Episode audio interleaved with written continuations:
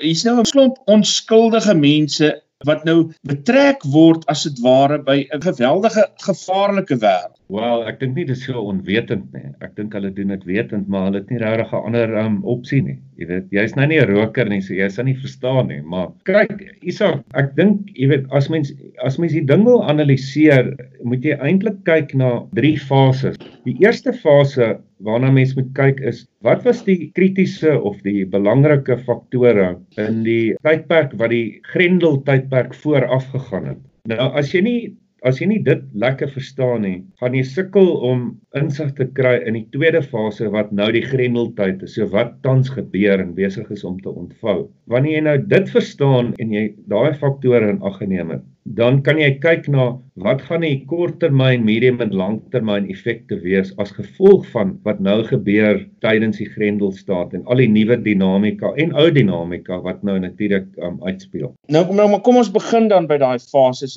So as ons nou kyk na na die tabakindustrie wêreldwyd voor die ehm um, koronavirus en oor 'n baie lang tydperk, ek sou sê die kom ons sê vir al die laaste 25 jaar of so, dan was daar met tyd 'n algemene anti-rook sentiment wat begin posvat het in die wêreld.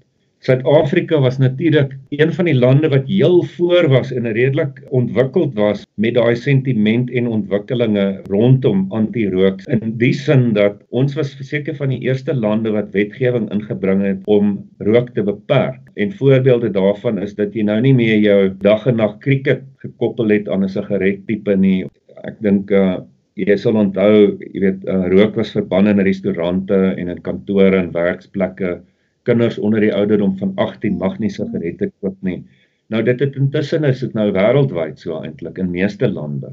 En dit was maar hoofsaaklik dink ek uh, beïnvloed as gevolg van die staat se pogings om die indirekte koste op die gesondheidsdienste van die samelewing te probeer beperk want jy weet rook is ongetwyfeld sleg vir jou.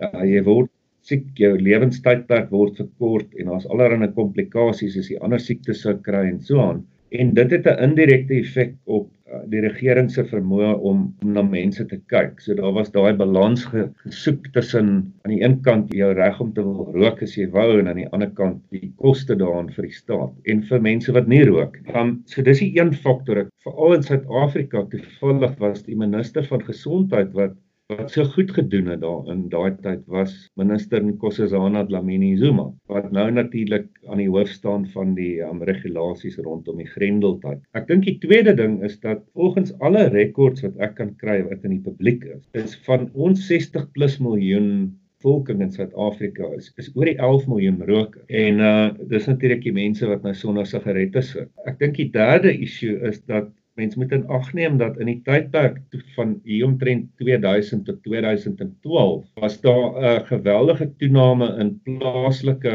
vervaardigers wat uh, ontstaan het in Suid-Afrika.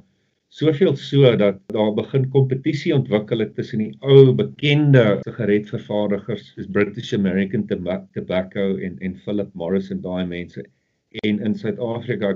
Hmm. Nou gekoppel daaraan is natuurlik elke jaar as jy minister van finansies praat dan dan kom hy nou op 'n punt in sy in sy budget speech waar hy so grappie maak oor drank en sigarette en dan gaan die sogenaamde sin taxes altyd op.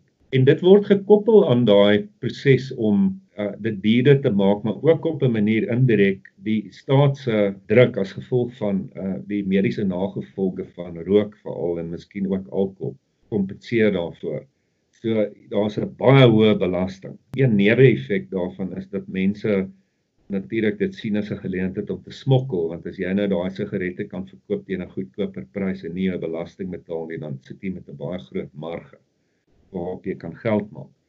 So in die tydperk van 2000 tot so 2012 met hierdie um klein uh maatskappytjies wat opgespring het in Suid-Afrika en van hulle wat nou nie meer so klein is deesdae nie was daar ook 'n geweldige toename tot smokkel en onwettige vervaardiging en um, belastingontduik in die tabaksektor. Nou uh ek skryf daaroor in van my boeke. Uh, SARS het toe in 2012 begin om 'n 'n baie meer in diepte ondersoek te doen en om hierdie probleem te adresseer want jy praat van groot geld en dit lê in die hande van redelik min jy kyk hierso na ek dink tussen 13 en 15 biljoen rand um, per jaar wat net inkom op aksiesbelasting en dit sluit nou natuurlik inkomstebelasting en al die ander vorms van belasting uit. En dit is jy weet 'n handjievol um vervaardigers wat daai bedrag betaal. En die projek se naam was 'n uh, Honey Badger. Nou ongelukkig toe kom staatskaping nou tref die inkomste diens hierso in so einde 2014. En een van die um projekte wat gesneuwel het was toevallig aan die Badger. Nou ons ons kon gesien het by die uh, kommissie van ondersoek uh, van uh, regter Nugent baie jare later hoe om en by die tyd van staatskaping wat plaasgevind het by die inkomste diens is dat die onwettige mark het gegroei met tussen 30 en 40%. So hier teen 2015 en 2016 uh onder die sogenaamde Mojane jare was die tabakindustrie was meer as 'n derde daarvan was was onwen in Suid-Afrika. Wat mense ook moet in gedagte hou is dat in daai tydperk voor die Grendelstaat was die ehm um, die groepe wat betrokke was by ek praat nou van die georganiseerde misdaadgroepe was baie homogeen. Jy weet dit was mense binne in die tabakbedryf wat, wat betrokke was daarbey en dit was eintlik beperk tot hulle.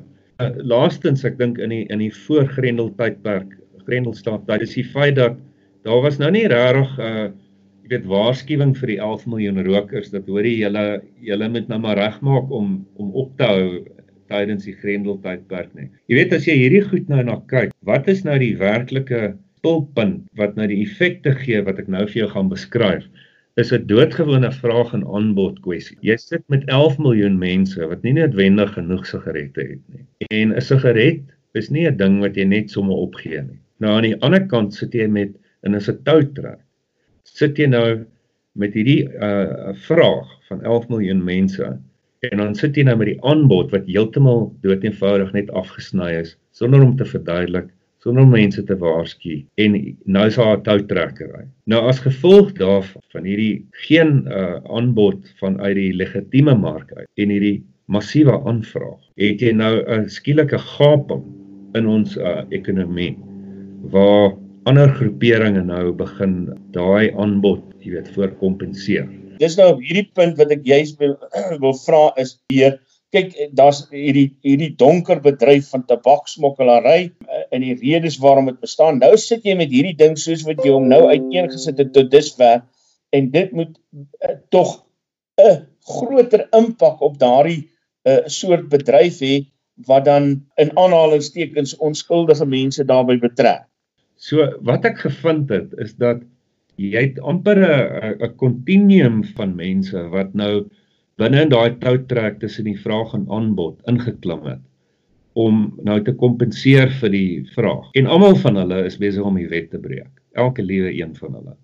So om dit makliker te maak om te beskryf, kom ek begin by die kleinste vorm en miskien die mees uh, eenvoudigste vorm en dit is toevallig die Spaza winkels. Ehm um, wat nou, jy weet, hulle het nou 'n um, uh, tipe reëling aangegaan tydens die Grendel tydperk met die staat en hulle verkoop nou, jy weet, uh, in die townships meestal basiese voedsel, maar daar is tog van hulle wat eintlik hulle geld maak met drank en sigarette. Dis eintlik waar hulle wins sit. Nou dit beteken hulle moet 'n toevoer van die produk kry en daai transaksies is natuurlik alles van die radar af. So dit is alles kontant transaksies onder die tafel.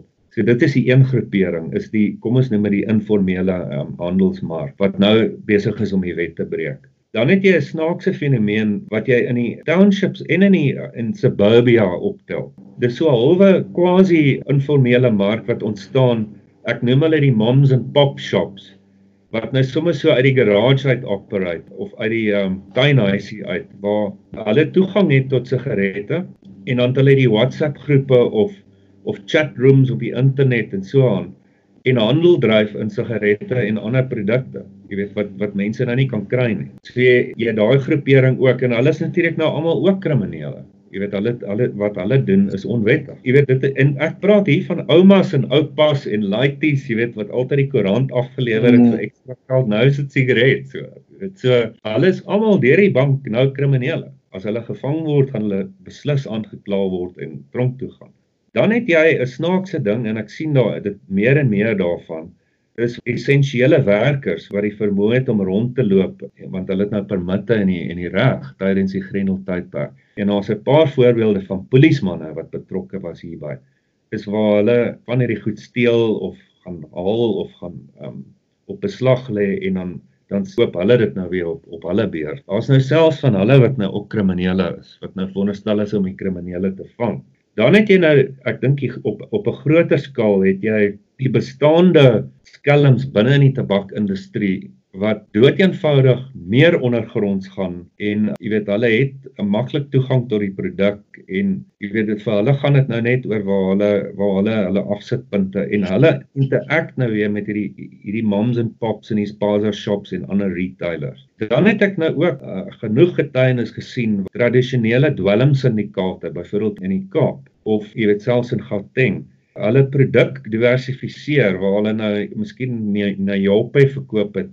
Jy weet gebruik hulle daai selfe um, netwerke en roetes en afsetpunte wat hulle wat bestaan het om nou 'n nuwe produk te verskaf aan die publiek en dit is sigarette. Die een voorbeeld hiervan is 'n onlangse stasie deur die polisie in KwaZulu-Natal waar daar beslag gelê is op 'n groot hoeveelheid sigarette en ammunisie. So jy sien nou daai um jy weet aan die een kant het jy nou ammunisie en sigarette wat nou saamloop. En saam met dit gekoppel het ek nou opgemerk, ek het nou mooi gaan kyk na van die foto's wat die wat die polisie oplaai op hulle media statements en op sosiale media. Ek sien produkte daar wat nog nooit regtig op groot skaal of enigsins in die Suid-Afrikaanse mark beskikbaar was. So ek sien byvoorbeeld handelsname van baie obskure um tipe sigaret in Sentraal-Afrika wat nou skielik in in groot bokse en kartonne in, in Suid-Afrika beskikbaar is. En dit sê vir my dat die transnasionale georganiseerde misdaadsyndikaate begin nou, jy weet, hulle sien nou ook hierdie mark van 11 miljoen rokers wat desperaat is. Dan het jy 'n ander groepering, ook 'n sosiale fenomeen is wat ook mens onskuldige mense kriminele maak. En dit is hierdie ouens wat so in in massas hierdie drankwinkels bestorm of die of die of die trokke weet voor lê. Nou goed, dit gaan ook er natuurlik oor toegang tot kos en so aan, maar ek kan jou beloof ja. elke pakkie sigarette wat daar is word gevat want die feit van die saak is 11 miljoen mense wil sigarette koop en hulle sal bereid wees om uh, redelik baie te betaal daarvoor. So as ek vir jou 'n indikasie kan gee van pryse vandag Nou voor Grendel tydperk het 'n gewone um, invoer um, vraghouer het so gegaan op die ondergrondse mark vir omtrent 10 of 11 miljoen rand. Nou soos ons nou hier sit op uh, in Grendel tyd, kan jy een van daai houers optel vir 30 miljoen rand mits jy kontant betaal.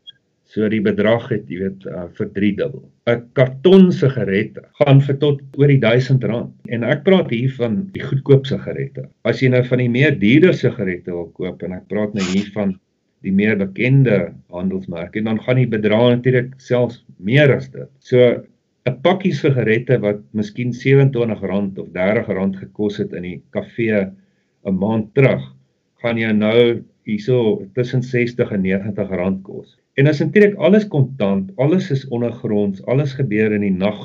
Nou vir my, een van die goed wat my bekommer is Ek het byvoorbeeld 'n SMS gekry van die staat af wat lees uh lockdown alcohol takeaway food and cigarette sales are not allowed. Don't put your life and the lives of others at risk. A message from government. Wat ons natuurlik almal moet ondersteun en ons moet daarby bly. Maar nou het jy hierdie probleem van mense wat in die middernagtelike ure rondsluip om hulle pakkie sigarette te gaan koop. Nou sou een van daai persone vir een of ander rede positief toets vir die uh, virus, kan ek jou amper waarborg dat daai roker nie tydens die tracking en tracing proses gaan sê hoorie maar daar daar was daai een aand waar gou uitgeslip het en uh my ou kaart en sigarette gekoop het by jy weet by uh Jack the Rat uh wat wat jy weet wat toevallig ook by Joppe So so op daai manier ondermyn dit amper ehm um, jy weet wat ek dink die Grendel proses in gedagte het. So jy weet daar's daar's daai dinamik wat my bekommer. En uh die feit dat jy weet al hierdie die vervoer van hierdie goeder alles gebeur van die van die radar af. Niemand het insig tot daai. Die mense beweeg rond en hulle steek die feit weg dat hulle rond beweeg. Maar ek moet ook die punt maak dat ek sien nou uh, in in hierdie is ontwyfelbaar uh, jy weet jy jy kan maar jou eie navorsing gaan doen. Ek lees nou eendag van 'n vrou wat gemag is in haar in haar kar, jy weet daai smash and grabs waar nie net is haar handsak gevat nie, maar hulle het aangedring op haar sigarette. En ek dink waar ook al daar groot hoeveelhede sigarette nou in stok gebeere word tydens hierdie Grendel tydperk. Is daai goederes ook onder hoë risiko. En jy het nou al gesien hoe van die uh, drankwinkels en goed nou beroof is. Nou goed, dit nou gesê, daar's ook daai geval van die um, winkeleienaar wat byvoorbeeld vermoor is omdat hy nie wou sigarette verkoop het nie. So daar's al hierdie anecdotal uh, insidente wat ek dink aandui op jy weet uh, daar's beslis baie groot ondergrondse handelmark wat ontstaan het en nou baie baie vinnig groei en in gang is en baie lewendig is. En dan die laaste ding wat ek vir jou wil sê is ek het beslis opgetel dat jy weet counterfeiting begin weer optel. Nou counterfeiting het omtrent uitgesterf in die laaste 15 jaar in minstens in Suid-Afrika wanneer dit kom by sigarette. Maar nou skielik sien ek meer en meer daarvan. En dis natuurlik 'n groter probleem want jy weet nie wat binne in daai sigarette is nie. En dan laastens kan ek sê jy weet jy sien nie 'n daadwerklike plan hoe om hierdie goed te akseer nie. En dit bekommer my want jy moet dit aanspreek nou tydens Grendeltydperk nie net as gevolg van ehm um, waar ons tans onsself bevind nie maar jy gaan dit beslis moet doen vir eendag want wat ek al nou gebeur gaan 'n langtermyn effek hê en dit vat my nou na daai langtermyn effekte toe. So in kort van ons ouer bekende syndikaate wat ons staat juis mee sukkel om uh, jy weet op die op die op die hoër vlakke aan te spreek. Groei nou teen die spoed van wit lig en gaan meer ondergronds as nog tevore.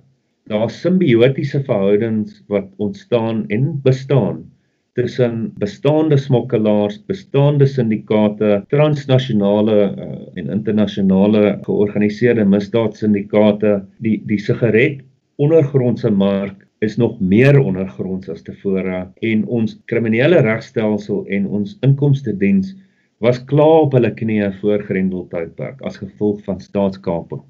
My voorspelling is na die Grendeltydperk verby is, gaan ons legitieme plaaslike mark En hier praat ek spesifiek van die Suid-Afrikaanse vervaardigers, jy weet wat werkers het en so aan, gaan beslis in 'n in 'n prysoorlog gaan met hierdie gevestigde netwerke want waar hulle tans nou baie uh hoë bedrae vra omdat daar uh, hierdie vraag en aanbod issue is. Mm. Die, as die as die uh, aanbod vrygemaak word, gaan hulle hulle mm. pryse dadelik drop en jy weet so die inkomste diens gaan beslis sukkel as ek dit vir jou in 'n neutedop kan sê.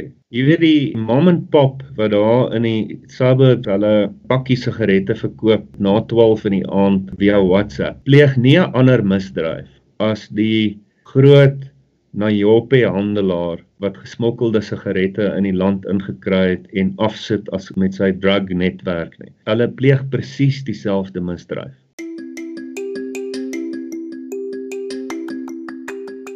Jy luister na Nuuspot, die tuiste vir Afrikaanse stories agter die nuus. In die advertensie gleef. Emma se somer is 'n liefdesroman deur Tosca de Villiers. Die boek vertel die storie van Emma wat verlief raak op die aantreklike Italiaaner Roberto en dan vermoed hy is oneerlik met sy besigheid se finansies. Is sy reg of maak sy 'n fout? Vind uit deur tot einde Mei die boek gratis op Kindle Unlimited te lees. Terug na ons program.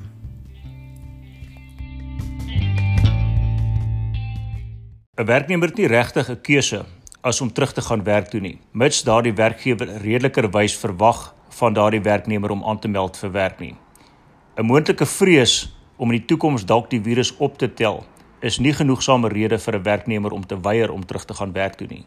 Ek meen sodanige werkgewer sou binne sy regte optree om dan weliswaar daardie werknemer voor 'n dissiplinêre verhoor te daag en tensy daardie werknemer op redelike gronde kan aandui dat daar 'n wesenlike risiko was dat hy daardie siekte sou opgedoen het indien hy sou aanmeld vir werk dink ek nie dat dit is 'n geldige verweer teen 'n aanklag van wangedrag deur 'n werkgewer teenoor hom nie. Die vraag wat gevra word is watter stappe hulle kan neem indien daar bedreiging in die oog gestaar word. Natuurlik is daar die wet op arbeidsverhoudinge wat nog altyd van krag is en sal wees en wat ook in hierdie tyd ongeag die vlakke van die COVID-19 wat deur die staatspresident afgekondig is, sal geld. daarmee saamgelees geld natuurlik nog steeds die wet op basiese diensvoorwaardes en al hierdie wetgewing het niks verander nie en bly steeds van krag. Na my mening behels dit 'n balanserings uh effek. Dis miskien iets wat van 'n toertjie as jy my vra, maar nog steeds is daar die belange van die werkgewer wat in balans moet wees met die regte van die individu, met ander woorde van die werknemer. Aan die einde van die dag sal elke optrede van 'n werkgewer teenoor sy werknemer en vice versa natuurlik altyd getoets kan word deur 'n relevante hof in hierdie geval waarskynlik die CCMA en miskien later selfs die arbeidshof. Die beginsel bly duidelik. Jy het 'n kontraktuele verhouding met jou werkgewer en wat ook al jou dienskontrak voorskryf, moet jy natuurlik nakom na die beste van jou vermoë.